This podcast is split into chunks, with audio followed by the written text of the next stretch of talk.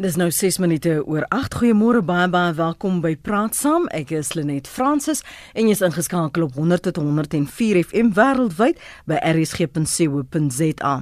Die Vakbond Federasie Kusanto het die parlement geloof vir die aanvaarding van die onteieningswetsontwerp. Die parlement het verlede week die wetsontwerp met die wysigings van die Nasionale Raad van Provinsies aanvaar, hoewel die DA, die Vryheidsfront Plus, die UDM en die ACDP teen die wetsontwerp gestem het.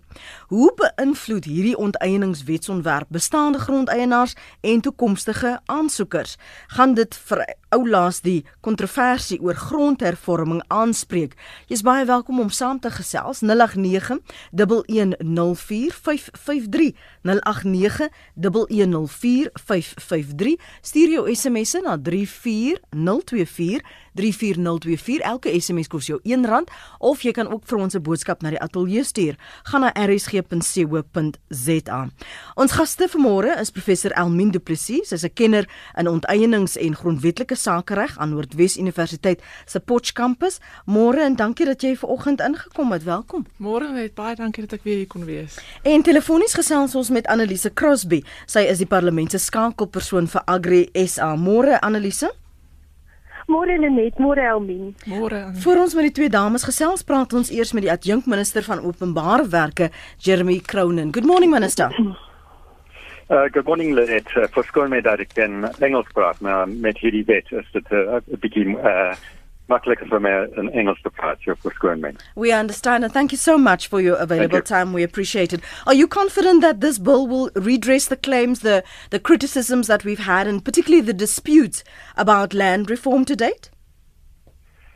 I think I think we must be careful about overclaiming what what the bill will do mm-hmm. uh, once it becomes legislation. I mean, I think that it, it's not strictly uh, legislation about land reform. It's a, a, general framework piece of legislation um, directing, um, providing guidance, I think, to courts, uh, to expropriating authorities, and to those who might be expropriated on the broad framework, the broad approach that, need, that needs to be taken uh, in terms of expropriation. So it would obviously affect land reform, where land reform would involve expropriation, but it's it's it's intended to be broader than than just that.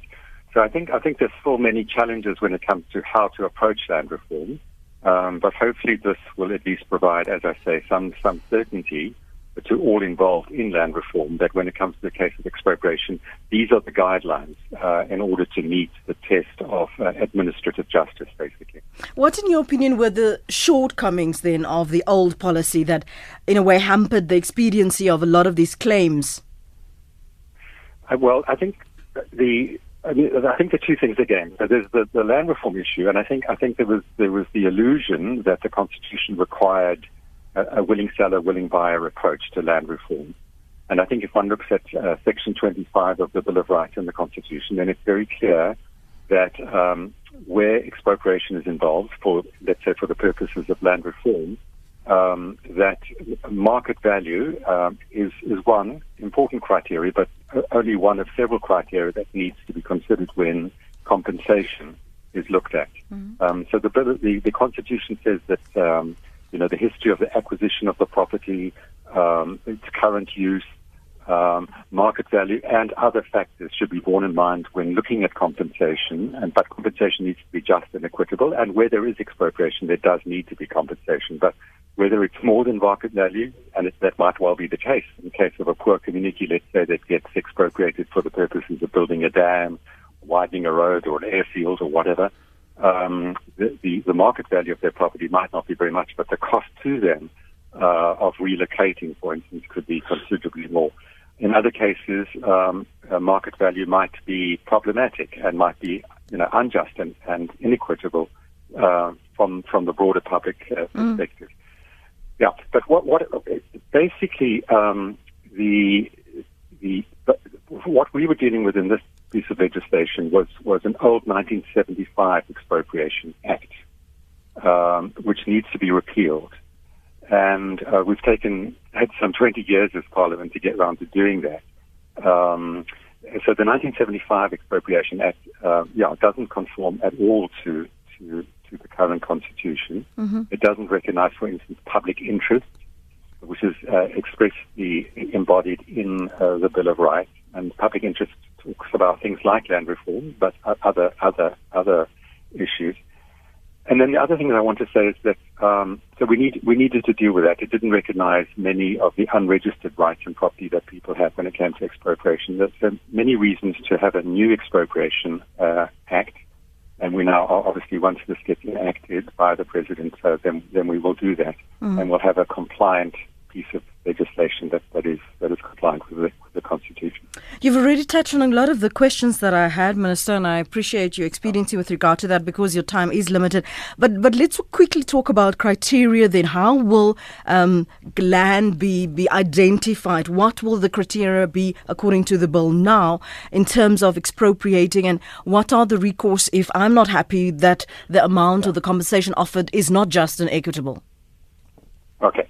So first of all, obviously, if, it, if it's for land reform, then the identification process and so on, all of that would need to be done by the relevant department uh, and not the Department of Public Works, which we wouldn't be involved in land reform directly at all. Mm-hmm. Um, the um, now, in terms of the bill that we've got, uh, the Minister of uh, Rural Development and Land Reform would have to show. Well, first of all, we would expect the Minister uh, or any other expropriating authority, first of all, to enter into negotiations with uh, the potentially affected parties.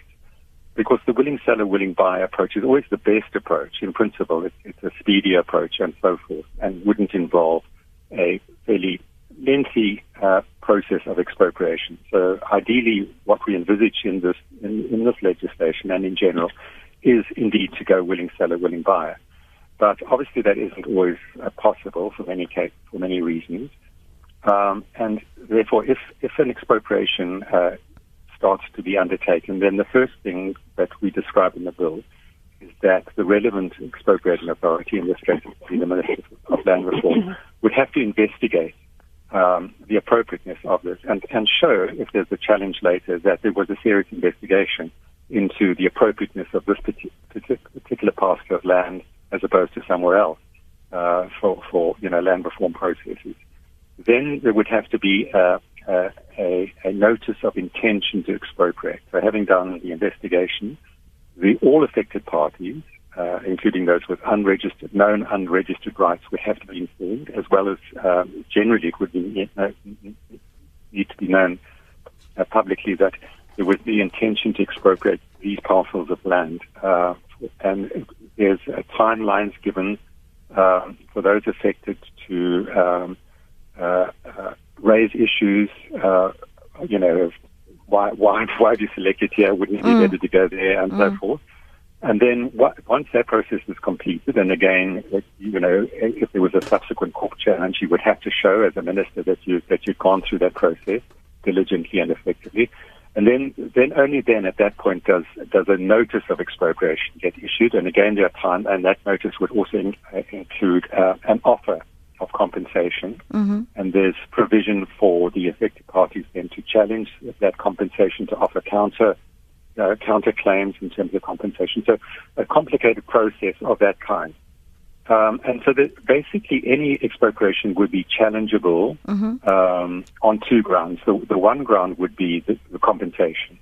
Um, so um, the, the, the um, Constitution is very clear that any expropriation must must have compensation, uh, and secondly that ultimately, if there's dissatisfaction with the compensation provided, um, that that matter is challengeable in court and, and we clearly, clearly comply with that in this, in this bill. But the second and I think important area, and the one that we that we're particularly fo- focusing on, and this is what this bill is about, is is also the process, because uh, we now have obviously what's called administrative justice and and and a, a so-called PAJA, Promotion of Administrative Justice Act, and I think that's been one of the areas that has been uh, complicated in expropriations in South Africa. Why often the government hasn't gone for expropriation and has often paid huge amounts of money uh, in land reform or land restitution cases. There's the famous Mala Mala case, where nearly a billion rand was paid. Uh, you know, in a, mm-hmm, a willing mm-hmm. seller, willing buyer, a very willing um, uh, seller, seller. Uh, and an unwise buyer, in my, in my view. Uh, the government paying a billion rand for, for, for land restitution. Um, and I think that's often because government has been unsure about how to proceed with uh, expropriation in ways that won't meet the challenge of, of administrative justice. So a, a, lot of what this bill is about is, as I've tried to say, it's a process that would need to be followed. And if um, if someone is unhappy with an expropriation, uh, they they can they can certainly challenge uh, if if the expropriating authority hasn't been methodical uh, in following the process. And this also then gives guidance to the courts as to how to assess mm. Just whether for, there has been. Yeah. Just for clarity's sake, Minister, d- does it mean also that if a piece of land is identified that you can expropriate without the owner's consent? Well, yeah, well, expropriation is without consent, basically. It's, it's obviously um, a situation where there's, there's not a willing seller, essentially. Um, and, and the seller might be unwilling for emotional, sentimental reasons or commercial reasons, but also often for speculative reasons. And I think that's something that came up a lot in the, in the parliamentary hearing. Mm. So, you know, we talk about land reform, but a lot of expropriation is for things like erecting electrical transmission lines, uh, building dams, widening roads, and uh, putting in railways and things like that.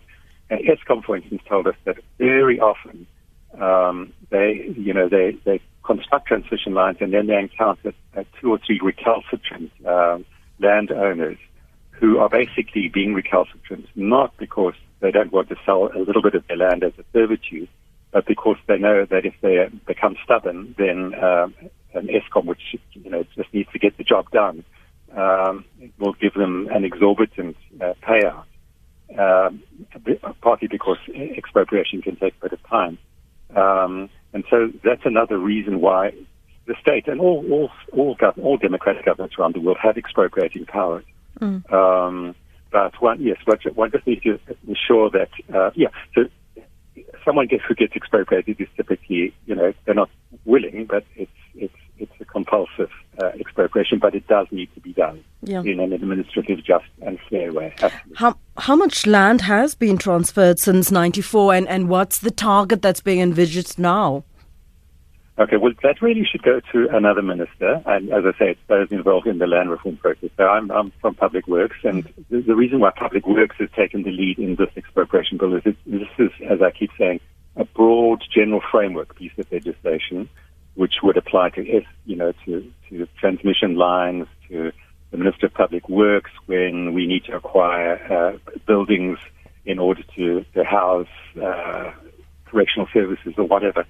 Um, so it, it, covers all all expropriation. Um, the, the, the challenges with the land reform, you know, I'm, I'm not an expert in that space. Mm-hmm not an expert in anything really. I'm just a politician, but uh, I'm particularly not an expert when it comes to comes to comes to to, to land reform. So I, you know, but we, we know that very little land, and I think that, that historically government has set targets of, of 25 and 30 percent and so on. Um, personally, and, and speaking, you know, without mandate, yeah. I, I think that we've got it wrong. I think I think that we've, we've far too much focused on percentages and targets rather than on ensuring that um, land reform also uh, results in productive use of land. Um, and that's, yeah. So, yeah. But anyway, that's that's a personal view. I hear you. Uh, perhaps better directed to someone who's, who's more, more, you know, directly involved in, in, in the land. Mm. So, but, but where your knowledge is concerned, do you have any idea when we can, after the president promulgates the, the policy and, and the law, when we will see this happening? Well, you see, I think the other important thing to understand about this this this legislation is that it's not giving new powers or mm. taking away powers that don't already exist. So there's a 1975 Expropriation Act, but there's something like 33 other pieces of legislation which give uh, a variety of ministers, national ministers, expropriating powers, uh, including the Minister of Land Reform but also Minister of uh, Agriculture, Forestry and Fishery for forestry purposes, uh, Ministry of uh, Energy, you know, for transmission lines and so forth. Mm. So the the we're not taking away, the, and all municipalities, by the way, have expropriating powers. All um, premiers of provinces have expropriating powers, and those powers are there already, and um, and get used. Um, but I think sometimes there has been a reluctance one uncertainty about how, you know, what, what general processes need to be followed uh, in expropriating. So I don't think that post this, uh, I'm not anticipating that after the um, enactment by the president of this piece of legislation, that there will suddenly be a, a huge wave of expropriation.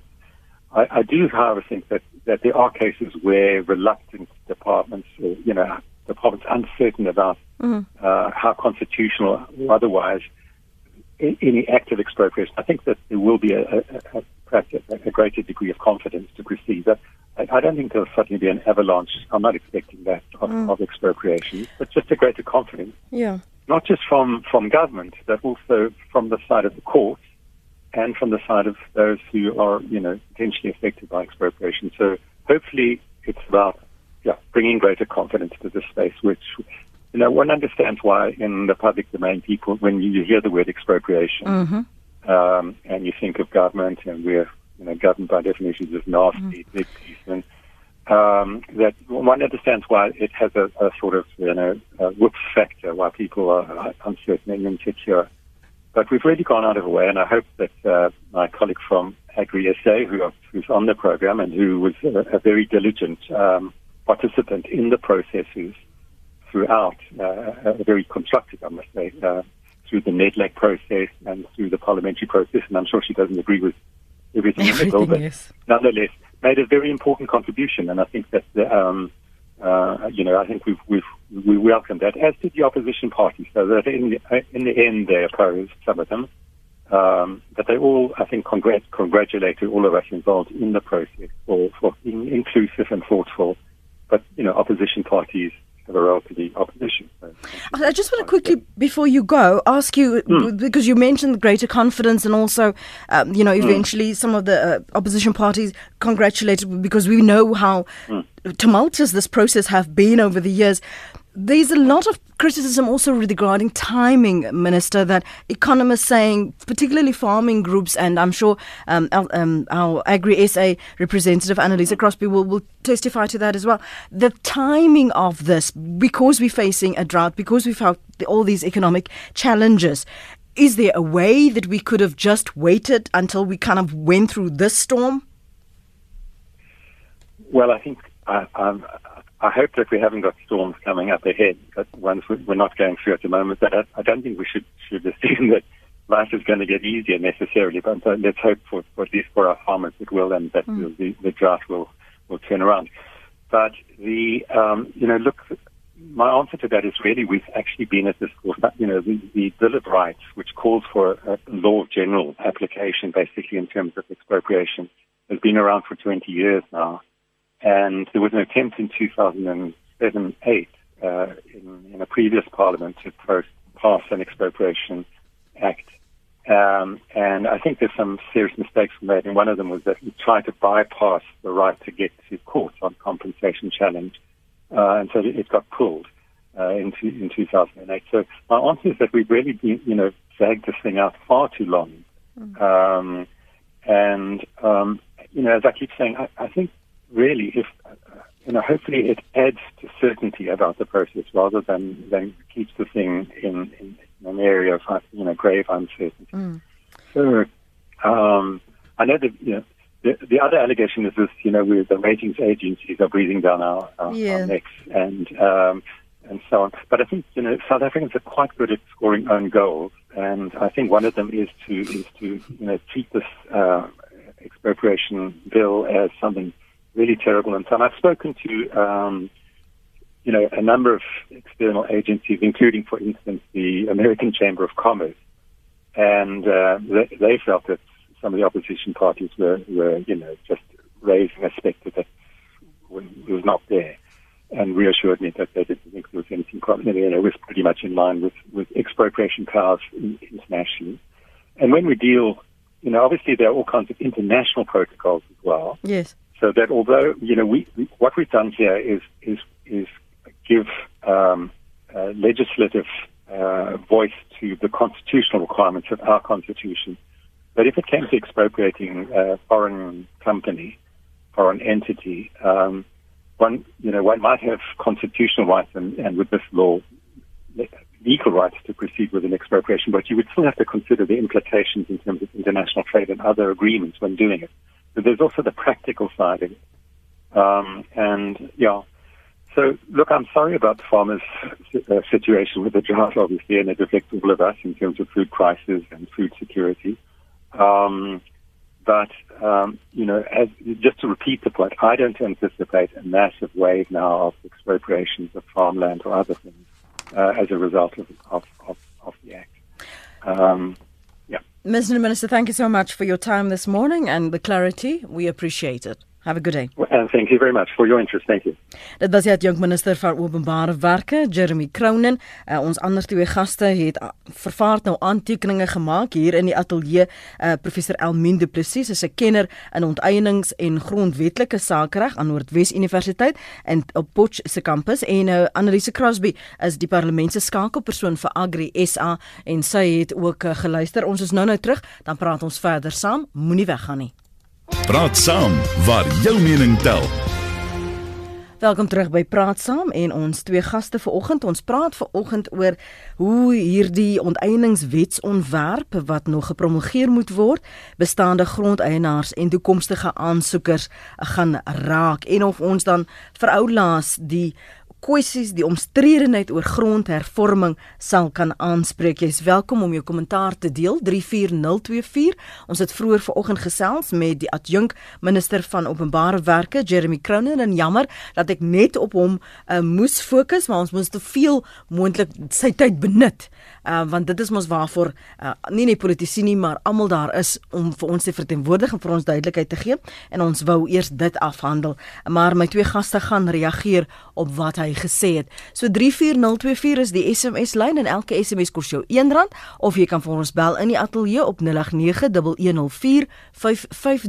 of selfs 'n boodskap na die ateljee stuur. Gaan net na rsg.co.za jammer dat ek jou ook so verlang moes laat stil bly Annelise ek is seker jy wou al inkom en kommentaar lewer op van die punte wat hy aangeraak het. Môre weer eens. Môre, nee, ek dink dit is goed dat die adjunkminister hy dit uiteengesit het wat hy doen. Ek dink hy het heelwat duidelikheid gebring.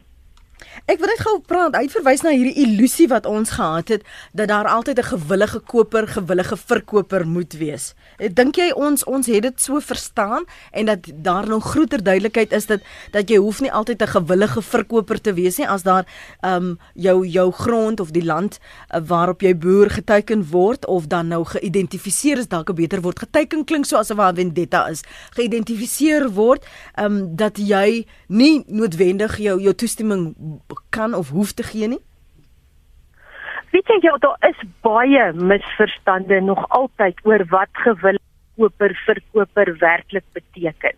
En die die adjunkminister is korrek, dit is was nog nooit 'n grondwetlike vereiste nie. En in werklikheid was daar nog nooit 'n ten volle gewillige koper verkoper grondhervormingsprogram in ons land gewees nie, want ons het restituisie. En in terme van die restitusiewet as dit 'n geldige eis is volgens die vereistes van daardie wet, het die eienaar eintlik nie 'n ander keuse gehad as om wel aan die staat te verkoop nie.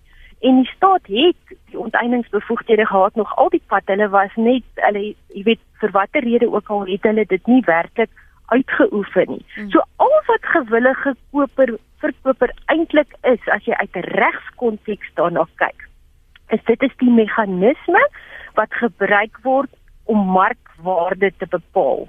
Wanneer 'n waardeerder moet uh, bepaal wat die markwaarde van 'n eiendom is, dan gaan kyk hy na vergelykbare transaksies. En 'n vergelykbare transaksie is 'n transaksie waar 'n sogenaamde vrywillige verkoper en 'n vrywillige koper met mekaar ooreenkoms aangegaan het oor, oor wat die waarde van daardie eiendom is.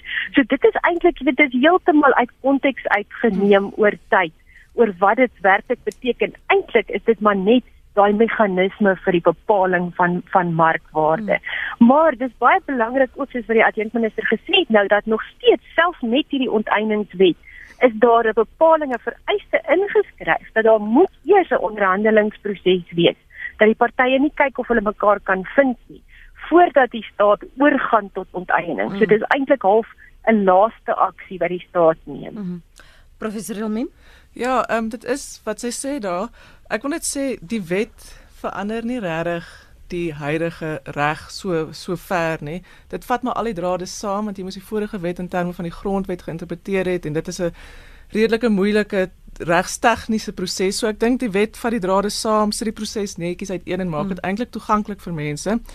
En ehm um, die dat dit nou ewe skielik grondhervorming gaan boost. Mm is ook nie heeltemal waar nie. Ek dink net politieke wil sal op die ou en dit daai pro proses aan die gang sit want die staat het nie regtig meer magte nou as wat dit mm. voorheen gehad het nie.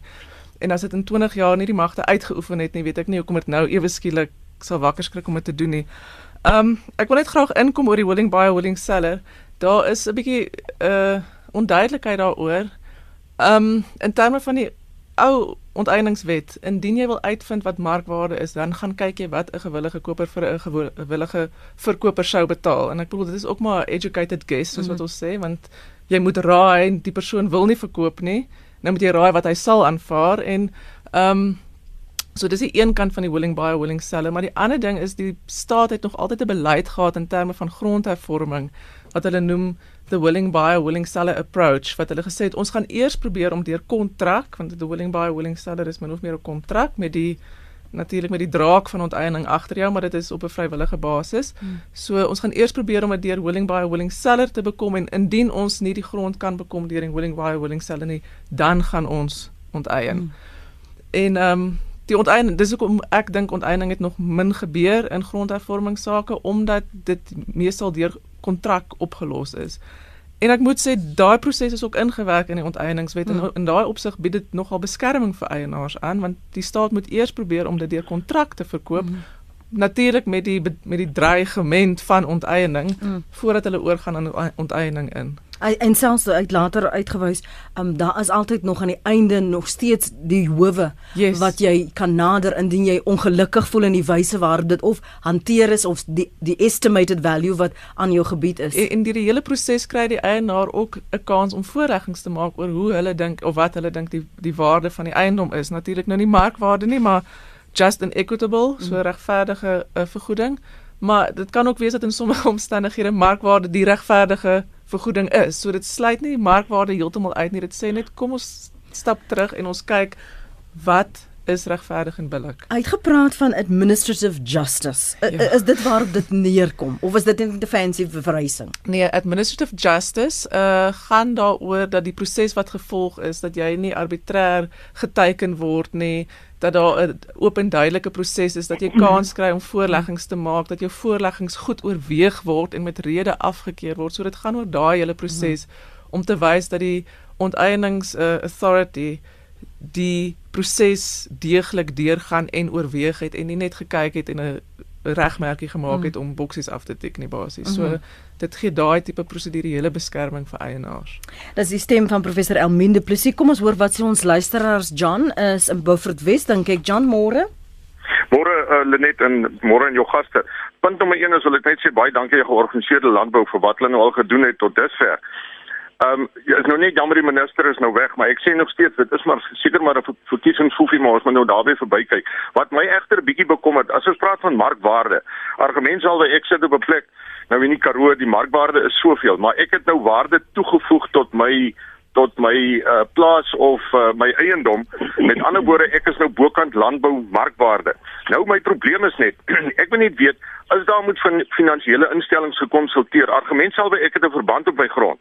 En Jeremy Cronin kom nou hiernatoe en hy sê vir my luister soveel. Ek sê vir hom minister as jy manier hier en ek verduidelik vir hom en hy gaan terug en hy sê wel dis wat ons jou gaan aanbied. Ons wil die plek hê, ons moet dit hê, landsbelang. Uh mhm. -huh. Wat gebeur met die paar miljoen wat dan nou wat die wat nou by die bank lê? Uh, is daar met die banke gekonsulteer finansiële instellings? Um, is ek verantwoordelik vir daai wat nou nog kort kom nadat ek probeer onderhandel het en nadat die regering gesê het nee, dit werk nie so nie. Ons wil jou soveel aanbied. Dit is my bekommernis in die langtermyn. Mm. Maar baie dankie vir die program Lenet. Dankie John, dankie vir jou oproep. Waardeer dit. Miskien vir jou gou vra Annelies iets wat jy vir hom dat beter duidelikheid kan kan kan gee?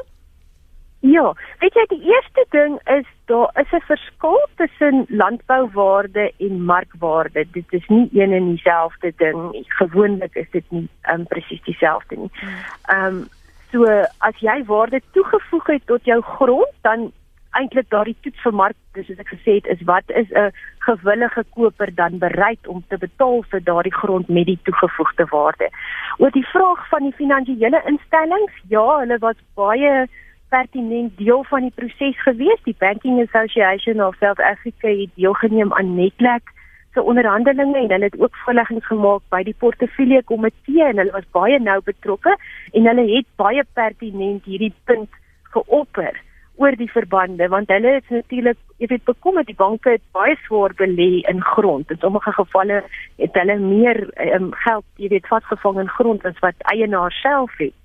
Ehm um, en ja die die kommer en dit is iets wat ons ook geopper het was jy weet sou daar nou ehm, 'n um, tendens wees om teen minder as markwaarde te vergoed en dis grond wat verbande oor het dan wil jy nie beland in 'n situasie waar ehm um, die die ehm um, finansiële instellings verlies ly of waar die eienaar naderhand eintlik uitstap sonder sy grond en dan nou nog die bank moet terugbetaal nie. So dit is iets wat wat derentyd ehm um, geopper is in die proses as as 'n punt van kommer mm. en dit is ook 'n sterk argument wat ons nou nog steeds gebruik waarom daar nie 'n uh, ehm um, jy weet 'n algemene benadering nou moet wees om te sê ons gaan teen substansieel minder as markwaarde mm. onteien nie. Mm. Maar wat die wetontwerp sê is aan die einde van die dag moet daar 'n onderhandelingsproses dan wees tussen die bank en die eienaar ehm um, oor die die verdeling van die vergoeding waar daar nog uitstaande skuld is. Het ons 'n vers, versekering dat elke aansoek op meriete na gekyk gaan word want jy kan mos nie net sê hierdie is die template en dit is hoe ons dit nou gaan gaan hanteer nie. Jy praat nou praat jy nou van aansoeke in terme van ja, vergoeding ja, wat aansoeke in terme van vergoeding en ook wanneer dit land ge, of grond geïdentifiseer word. Ja, maar dit is nou juist wat administratiewe billikheid inkom wat wat Elmien ook van gepraat het is um, in die eerste plek moet die betrokke minister die mag hê om te onteien vir daardie doel. So die minister van landelike ontwikkeling het byvoorbeeld die bevoegdheid om te om te onteien vir die doeleindes van restituisie. So ek kan nie sommer net vir enigiets gaan nou onteien nie. Dit moet vir daai spesifieke doel wees. In die tweede plek um, moet hy kan regverdig waarom hy daardie stuk grond spesifiek teiken en dan het die eienaar die geleentheid om te kom sê maar ek stem nie met jou saam nie. Ek dink dit is verkeerd dat jy my grond onteien. En dan is daar 'n proses waar daar jy weet dit dan nou aangehoor moet word. So dit is half jou beskerming wat jy binne daai proses het. Um, en dan dieselfde met die vergoeding. Daar's hierdie heen en weer proses waar die partye met mekaar moet onderhandel. 'n aanbod 'n moontlike teenaanbod en weer 'n aanbod. En dan aan die einde van die dag as die eienaar ongelukkig is dan kan daar 'n mediasieproses volg en as dit nie werk nie dan is daar nog toegang tot die hof. Nou die eerste kommer wat ons rondom dit het natuurlik is dit dit bly maar baie duur om jou tot die howe te wen om jou regte af te af te dwing wat ons graag gesien het is 'n situasie waar die staat instaan vir die regskoste van die eienaar jy weet onder sulke omstandighede. Maar daar is darm wysigings aangebring wat as ek sê dit vir die situasie aanspreek in die sin dat daar is mediasie. Die punt is om te, die dispuut uiteindelik nou te verwys of daar 'n dispuut is is op die onteieningsgesag nie op die eienaar nie. Jy kry 100% van jou vergoeding as daar 'n dispuut is ehm um, van die bedrag wat aangebied is minus net die munisipale belastings en goed en dan kan jy daardie fondse gebruik as jy dan moet hof toe gaan en en en regskoste intussen moet betaal. Hmm. Ek wil gou vir jou een van die luisteraars se menings hierso professor Elmen sê dis nasionalisering sagkens gestel. Uh ek neem aan dis jy, gaan maar voordat ja nee gaan my analises sê dat analises op die antwoord. Annelise kom reageer. Weet jy dit is juis nie. Onteiening is juis die been wat vergoeding verpligtend is in terme van die grondwet. En dit is waar ook daar 'n bietjie van kommer lê wat ons aanbetref want daardie definisie in die wet is nou redelik eng oor wat as 'n onteiening beskou word. Maar solank as wat iets val binne die bestek van die wet, met ander woorde solank as wat iets 'n onteiening is, dan is vergoeding verpligtend in terme van die grondwet en dit moet regverdige en billike vergoeding wees en soos die adjunkminister gesê het, dit kan in sommige gevalle selfs meer as markwaarde wees. So die hierdie wet bring nie nasionalisering mee nie. Die gevaar lê in goed wat buite hierdie wet val wat nie as onteiening beskou word nie waar die staat kan inmeng met jou eiendomsreg sonder om jou noodwendig vergoeding te betaal. Is daar gevaarligte wat vir jou flikker Elmien? Uh nee, daar is nie vir my gevaarligte nie. Ek weet daai siening uh, is gebaseer op die Institute of Race Relations. Hulle het 'n groot opinie daaroor en dit gaan daaroor dat ehm um, hulle reken hierdie wetgewing wat vir die staat die curator of die kurator maak van eiendom nie neerkom op 'n uh, onteiening nie, want dit gaan oor die acquisition en in die indien die staat die kurator is kry dit nie iets, hmm. acquire dit nie iets nie. Ehm um, en dit kom van 'n Agri SA saak wat in die konstitusionele hof was. Ek hou aan om te sê dat daai hof was baie spesifiek op die feite beslis en die hof, die meerderheid het dit ook gesê. Dit is waar die minderheid het gesê mens moet pas op om onteiening te definieer as iets soos acquisition. Maar aan die ander kant is ehm um, die vereis van acquisition ook daar byvoorbeeld in Australië en selfs daar waar die staat nie iets fisies kry nie, maar 'n sekere regte kry word dit as onteiening gesien. So daar is maniere om ehm um, daar verby te kom en ek ek weet nie van waar ek sit lyk like dit nie of die huidige regering, ek bedoel as hulle wou nasionaliseer sou hulle dit waarskynlik vroeër al gedoen het die huidige regering. Hmm. Ehm um, As jy as jy meer optimisties as jy nou ons net het gepraat van die administratiewe billikheid, die feit dat daar soveel geleenthede in die hele proses is om as jy of veronregvoer of daar's onduidelikheid dat jy jou saak kan stel, jy kan um, verduidelikings vra, jy kan duidelikheid vra dat dat jy voel nie ontmagtig nie. En ek gaan ontmagtig in, in aanhalingstekens plaas. Uh ja, ek dink wel so is ook waar wat Annelies sê wat ehm um, dat die proses is baie duur. Indien jy nou weet daar 'n uh, 'n uh, kennisgewing van onteiening is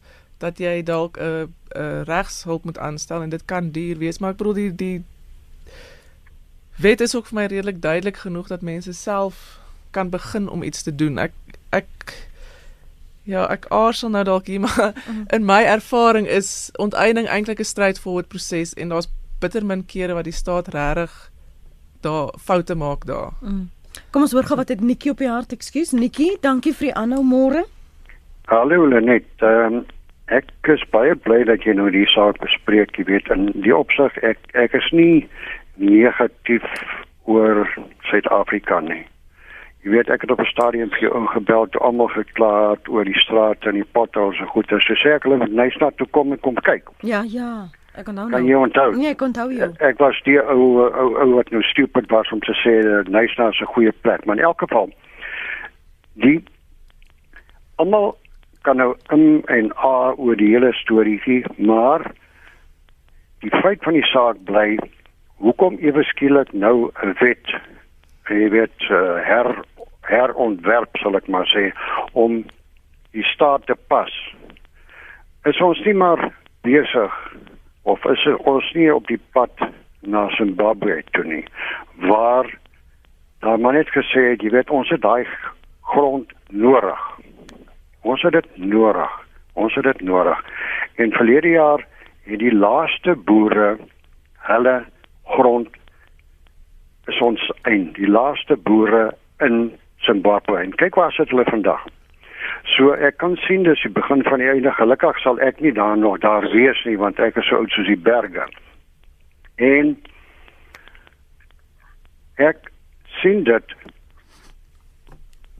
of ek wag vir die dag wat hulle sê hoorie Mr. Greiling ons het jou huis nodig want ons het 'n adjunkminister wat hier moet kom bly.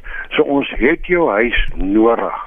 Ons bied jou dit aan en dan moet ek my huis vir huisvelde gee.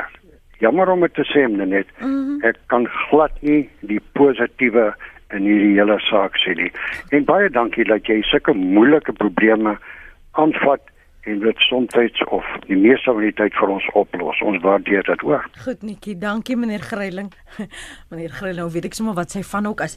Ek ek wil goed teruggaan na dit wat hy sê en ek wil ons met vir 'n oomblik hier by stil staan want dit was een um terloopse verwysing van een van die DA se se betoe is dat dis nou die land oor môre gaan dit die beleggings wees en dan die intellektuele eiendom en en dalk soos Nikki nou sê my huis ook hierso want iemand het dit nou nodig. Kan ons daaroor praat die die magte, die aanpassing en die veranderinge en is Nikki Greiling se huis op Nuisna veilig, sy eiendom, sy lappie grond daar. waar waar sy huis is. Hy is nie 'n boer nie. Kom ons Ehm, praat 'n bietjie daaroor asseblief. En ek wil net weer dit duidelik stel dat die wet of die wetsontwerp soos wat dit nog is totdat die president dit afteken, die wet bring niks nuuts regtig op die tafel nie. Die enigste ding wat dit nuut bring is dat die, die staat moet eers onderhandel en dit is 'n goeie ding vir eienaars. So die wat die wet nuut bybring is myns insiens 'n goeie ding vir eienaars. So dit vat al die drade netjies saam en dit is ook hoekom dit uh, nodig was. Ons het die grondwet, ons het 'n nuwe die PAJA wat ad- administratiewe geregtigheid meebring. Ons moes al daai goed net in die wet ingewerk het want die ou wet het dit nie gehad nie. Mens moet deur interpretasie dit alles bymekaar gebring het. So die wet ek wil sê streamline alles net en maak dit toeganklik. Ehm um, ons is nie Zimbabwe nie omdat ons juis 'n wet en 'n proses het wat duidelik is, wat vir mense wat onteien word magte en regte gee om te vat na die hof toe en te sê hier word ek nou onteien. En deel van daai regte en hier's dalk die antwoord is indien hulle jou eiendom identifiseer of dit nou 'n stukkie plaas is of dit nou jou huis is of dit jou sypaadjie is wat dit ook al is indien hulle daai eiendom identifiseer om te onteien moet hulle redes gee oor a hoekom hulle daai grond kies en b hoekom dit onteien moet word so ek dink daar's baie beskerming inge, uh, ingebou in ehm um, die wet en in die hele proses en ek wil weer net by sê die staat kon al hierdie goed, goed gedoen het al van Tuka se tyd af en ook van 94 af al die regte wat die staat in terme van hierdie wet het, het die staat nog altyd gehad. So dit is nie 'n groot verandering myns insiens nie, dit maak dit net duideliker en sit dit net alles in een wet saam. So as hulle Nikki Greiling se huis sou identifiseer sou dit nie noodwendig wees altyd vir uh, die huis een of ander LP het nou die huis nodig nie maar dan sal dit wees dat Eskom voel of die openbare werke vir die gaan nou 'n ek pad moet ook wees. dit dit ja, dit is nou want dit dit om te onteien vereis 'n publi- uh, openbare doel. En 'n openbare doel kan nie wees om die huis vir 'n MP te gee nie. 'n Openbare doel is iets soos ons moet 'n pad bou, ons moet drade insit. Ehm um, openbare belang word nou ingewerk. Dit gaan oor grondhervorming, maar maar dit moet ook in terme van grondhervorming wetgewing gebeur. So dit is nie net willy-nilly soos die Engelsers al sê nie. Daar is 'n proses en daar's 'n proses van identifisering en dit gee vir eienaars genoeg reg om ehm um, teen te staan indien hulle voel dit is onregverdig. Die minister het vroeër verwys na die belangrikheid en die die die waarde dat jy so nou betrokke was in die proses as 'n half as 'n tussenganger uh die parlement se skakelpersoon vir Ag- Agri SA analise die jy het sekerlik nou al die kommentaar gehoor uh die kritiek en die besware wat wat geopper is deur al die verskillende politieke oppositiepartye voel jy ietwat nou meer gerus gestel dat daai aspekte wel aangespreek is dat daar is geluister na julle Weet jy ja, dit was ek het al 'n paar keer gesê hierdie was 'n baie goeie proses gewees en ehm um, nee Geiling het gesê dit kom uit die bloute. Dit is regtig nie waar nie. Hierdie proses kom al van voor 2008 af en ons het werklik gevind in netwerk in die ehm um, portefeulje komitee pro- proses is daar geluister na insette en daar is talle veranderings aangebring waarvan heelwat verbeterings was en wel van ons punte van kommer ondervang het. Die laaste stapie in die proses ongelukkig die nasionale raad op provinsie se uh, proses was nie 'n goeie proses nie. Ek dink daar is wel heelwat kritiek wat 'n mens kan inbring oor hoe daardie proses gevolg is. Maar ehm um, die departement self, die wyse waarop hulle kommentaar en rolspelers gehanteer en geakkommodeer het, dink ek is nogal 'n voorbeeld vir ander staatsdepartemente van hoe dit gedoen behoort te word. Mm. En en dit dit was interessant en 'n voorreg om om so lank by die proses betrokke te wees. So dis dis nie dat al ons punte van kommer aangespreek is of bevredigend aangespreek is nie, maar heelwat daarvan is wel ondervang in die proses. Terwyl jy net nou toe hy nou vir jou so loof, het ek gewonder hoe is dit moontlik of hoe kan ons dit doen waar ons in die toekoms byvoorbeeld altyd 'n afgevaardigde deel het van hierdie soort prosesse of waar daar besprekings of debatte is sodat mense nie die indruk kry dat ons word nie na geluister nie. Jy het nou verwys na ander staatsdepartemente byvoorbeeld waar wat daai soort proses baie goed sou kon benut. Is dit moontlik? Ek meen ons almal is nou nie Annelise Crosby nie en almal het nie die tyd en geld om 'n uh, afgevaardigde te stuur nie. Maar hoe noodsaaklik is dit nie veral wanneer jy oppositie het, veral wanneer dit sulke kwesbare onderwerpe is wat wat ons weet 'n reaksie, emosionele reaksie, um, gaan uitlok onder Suid-Afrikaners. Hoe hoe kan ons daardie prosesse beter bestuur, Annelise? Wat het jy byvoorbeeld in die proses gesien werk? Dat ons miskien dit kan dupliseer en vir al die staatsdepartemente wie se persone en werkers nou luister en ek weet hulle luister want dis hoe ons kommentaar kry vanuit die staatsdepartemente dat hulle daardie boodskap kan oordra. Weet jy die die prosesse is daar en die deelnemers is daar. Ehm um, byvoorbeeld binne Netwerk sit besigheidsverteenwoordigers, die vakbond, die gemeenskapsverteenwoordigers en die regering en onderhandel met mekaar. Die groot verskil tussen hierdie proses en baie ander waarby ek al betrokke was, is daar was werklik 'n bereidwilligheid aan die regering, die betrokke departement en die amptenare wat betrokke was by die prosesse kant om te luister en nie die proses as as 'n rubberstempel proses net te beskou nie, maar om regtig dit te weeg wat voor hulle geplaas is uit van al die oorde en en te gaan probeer om dit aan te spreek op 'n manier. Mm. Professor Rominde Plessis, hier's nou 'n luisteraar wat sê ek brand eerder my grond af as wat ek dit vir die regering gee. As jou grond nou geïdentifiseer word, uh, as jy so binne 'n minuut vir ons kan sê, wat is is wat moet jy oorweeg? Wat is die prosesse? Wat hoe moet jy gerusgestel word al dan nie? Uh, na wie toe kan jy gaan as jy onseker is? Um wat wat's volgende vir jou? Uh wel die kennisgewing wat die staat vir jou sal gee om te sê ons wil jou graag weet jou grond is nou geoogmerk sal waarskynlik al daai details. Dit dit, dit is baie moet sê prakties want dit sal vir jou 'n nommer gee wie jy kan wat jy kan ehm um, betoog oor wat jy kan aanvra, wat jy moet bring vir bewys, wie die persoon is wat jy moet kontak. So dit is 'n baie ek wil sê praktiese proses wat nie noodwendig in die wet saamgevat word nie. Die wet stel maar net die meganismes daar so die gesag wat jou onteien sal vir jou al daai details bymekaar gee. Ja, ek weet ek ek moes jou grond afbrand in plaas van om die staat te gee. Dis nie regtig 'n regsprobleem nie, dis 'n dis 'n politieke probleem. Hm. 'n Laaste punt van jou voor ek jou ook groet uh, Annelies